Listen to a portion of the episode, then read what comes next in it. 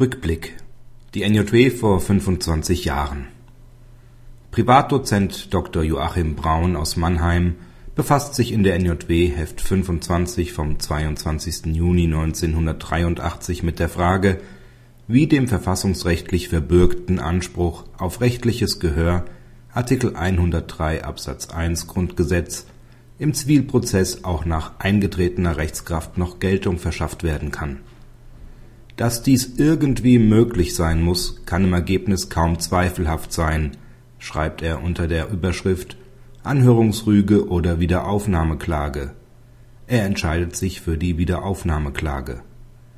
Genau anders entscheidet sich trotz des Plädoyers von Braun der Gesetzgeber über 21 Jahre und die einschlägige Entscheidung des Bundesverfassungsgerichts NJW 2003 Seite 1924 später mit dem Anhörungsrügengesetz vom 9.12.2004.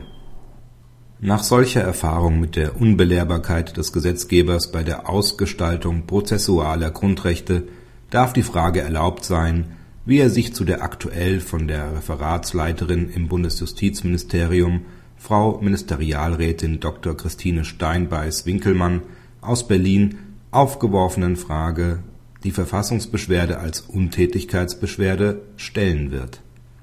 Auch Steinbeiß-Winkelmann hat mit dem Problem zu tun, dass ein Rechtsbehelf zur Wahrung verfahrensrechtlicher Grundsätze geboten, aber nicht normiert ist. Eine Antwort auf die Frage nach der gesetzlichen Regelung muss sie jedoch schuldig bleiben. Diese bleibt natürlich dem Parlament vorbehalten, und wir werden in der NJW berichten